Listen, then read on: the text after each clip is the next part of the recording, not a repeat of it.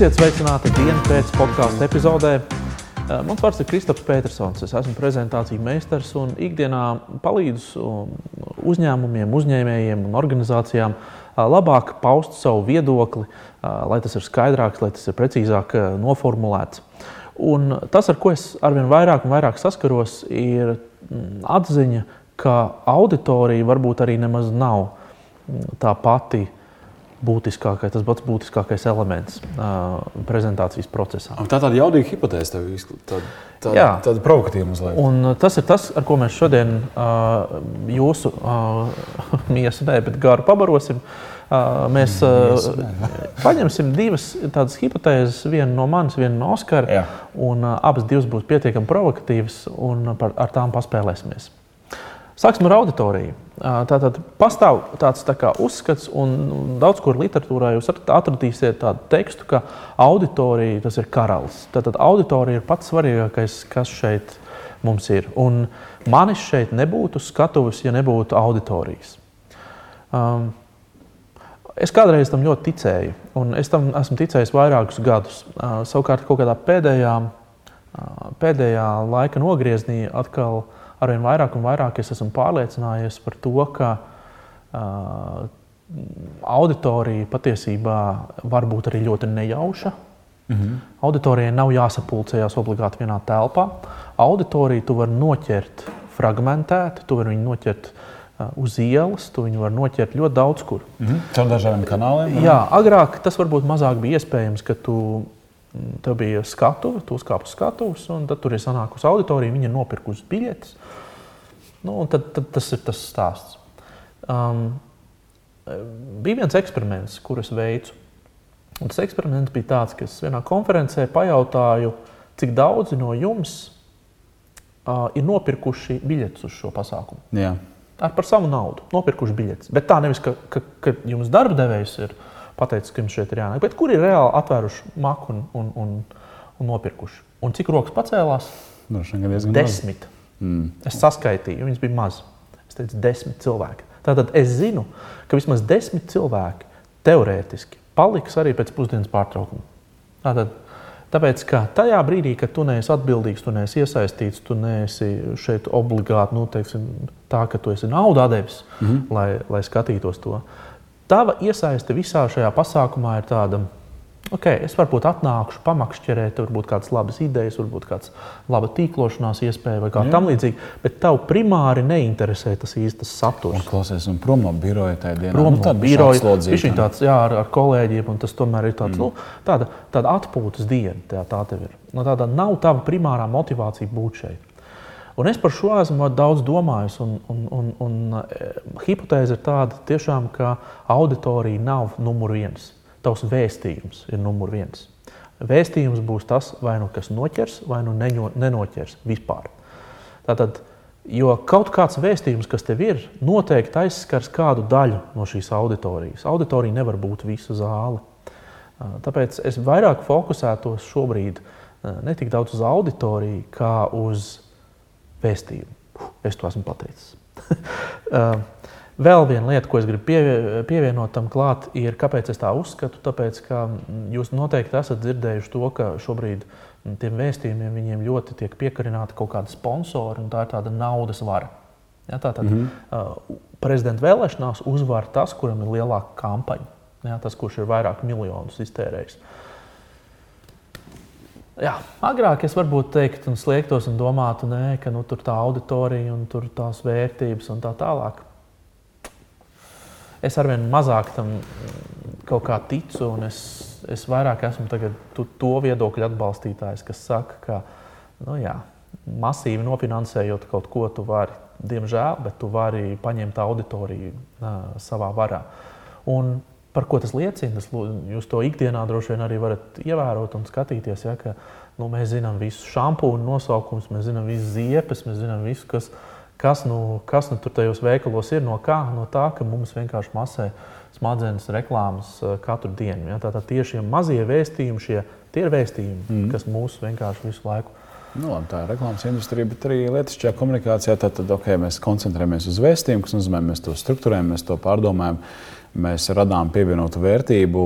Mēs, protams, piedomājam par auditoriju, nu, lai vi, no viņi varētu puses, saprast. Bet iedomājieties tādu variantu, ka, piemēram, kaut kāds vadītājs, kas ir pietiekami harizmātisks, mm -hmm. viņš saka, Mēs esam inovatīvi, mēs esam inovatīvi, mēs esam inovatīvi, mēs esam inovatīvi. Un tā vienkārši nu vienu gadu, otru gadu, trešo gadu, ceturto gadu.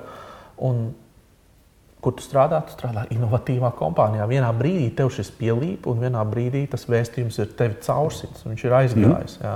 Tā tad vienalga, kāda auditorija tu būsi, vai zēni, meitenes, tur, sievietes, vīrieši vai vienalga kas, tas vēstījums būs tev caursits.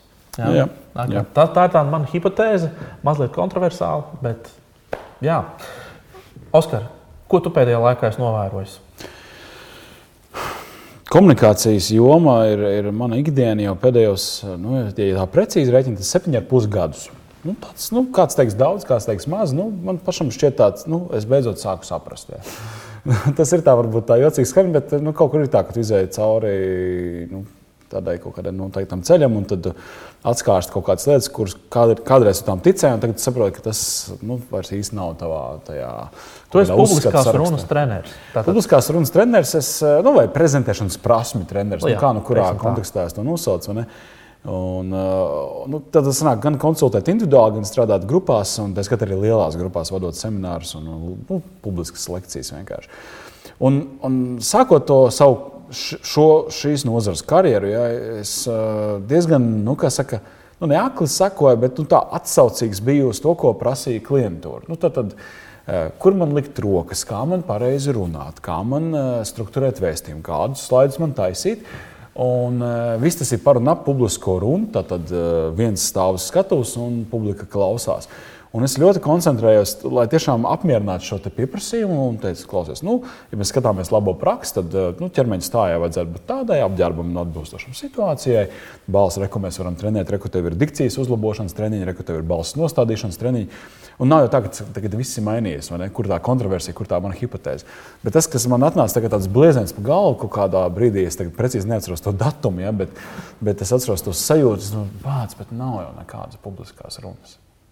Tā ir tā mana hipotēze, ka publiskās runas situācijā nav nekādas publiskās runas. Un patiesībā to es varu vienkārši pamatot, un es domāju, tie, kas mums klausās, piekritīs. Tad, kad tu esi auditorijā, jā, zālē ir 200 cilvēku. Nu, tāds tipisks Latvijas eh, līmeņa konferences izmērs, ja? 150, 200. Nu, vienalga. Un, un eh, kāds ir uz skatuves, un tu tajā visā, tu esi tajā 16. rindā, pa kaut kur pa vidu, un, un to visu klausies. Tu nejūties kā vidēji aritmētiskā kaut kādā uh, būtne no 200 cilvēkiem. Tu nekur nav pazudusi tava identitāte, tavi stereotipi, tavi uzskati, tava bagāža, tavi tarakāni, visas tās foršās lietas, kas tev galvā dzīvo. Tu klausies kā indivīds. Respektīvi, tam cilvēkam, kurš uz skatos, tā nav nekāda publiska runa ar publiku. Tā runa ir tā, tā, vai tā saruna vai tā komunikācija ir ar vienu cilvēku. Vienkārši mēs multiplicējam to visu ar cilvēku skaitu auditorijā. Jā, man ir saruna ar vienu cilvēku reizes 200, ar 200 dažādiem cilvēkiem. Pie kam tie katrs, katrs no viņiem ir diezgan svarīgas būtnes. Nu, vismaz katrs indivīds jau savā iekšējā pasaulē, pasaules uztverē, viņš jau nu, parasti saskata, liek visur sevi priekšplānā. Nu, viņš... Teorētiski atšķirības starp to, ka es, tu stāsti man tagad, Jā. un tu stāsti tūkstošiem cilvēku tur aiz kadra.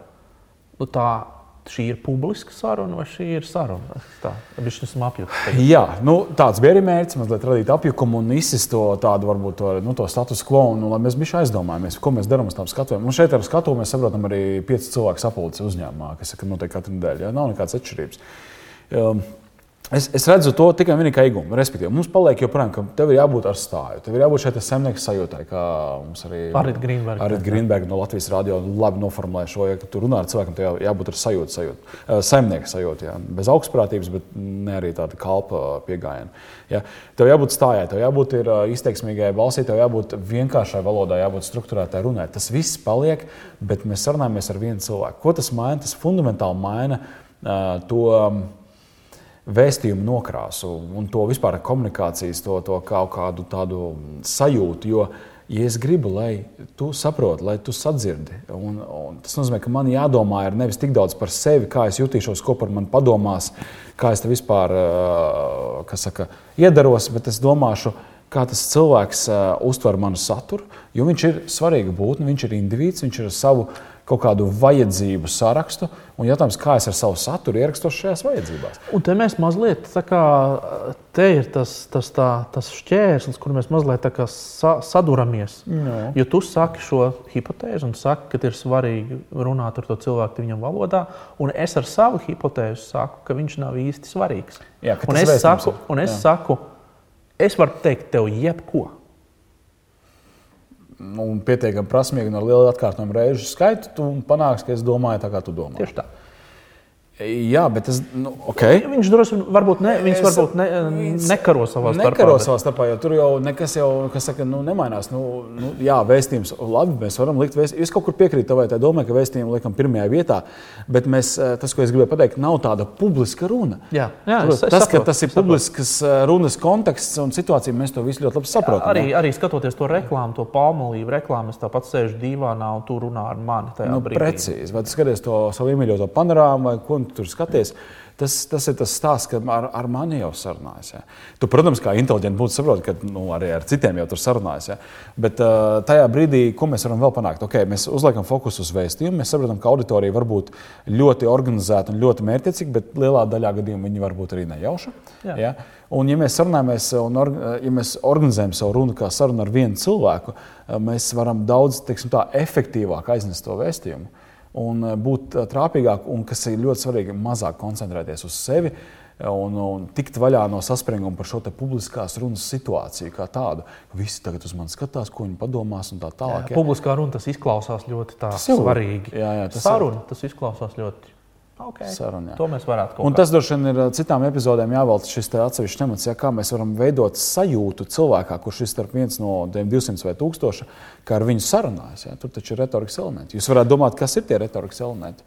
Nu, tur, tur ir vesels saraksts. Nu, tas, ko es tikko izdarīju, es vienkārši iedodu apgalvojumu formā, pie kam ar tādu mēru un tādu izteiksmi. Es saku, jūs varētu domāt šobrīd, kas ir tie elementi. Un, un tie ir tādi mazie triki, un, un tie ir iespējami, un tie nāk dabīgi ārā mums parasti sarunās ar draugiem.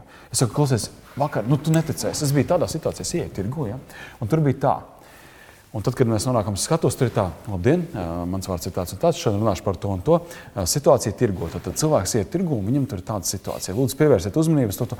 Un pazūd viss tas. Kāpēc? Tāpēc, ka es runāju ar pūli. Un, un, un pūlī runājot, tur jābūt tādam mm, savāktam, jā, visam jābūt korektam. Nē, ja tu skatuves atļausies, varbūt nevajag visu laiku, bet tu atļausies būt tāds kā ar draugiem paziņām, kas saka, iedomājieties, es biju vakarā Aganskalna tirgu un tur bija tāda situācija. Jūs neticēsiet un klausās 200 cilvēku, vai vienalga skatās uh, internetā. Tas ir viņam. Tas, un tas, ir, viņam, un tas ir viņam. Ja? Viņš saprot, ka tas nav viņam personīgi, bet tāpat laikā sajūta viņam ir tāda, ka ir viņam. Viņam rad, rodas tāda patīkama ilūzija, ka viņi sarunājas. Jā. Jā.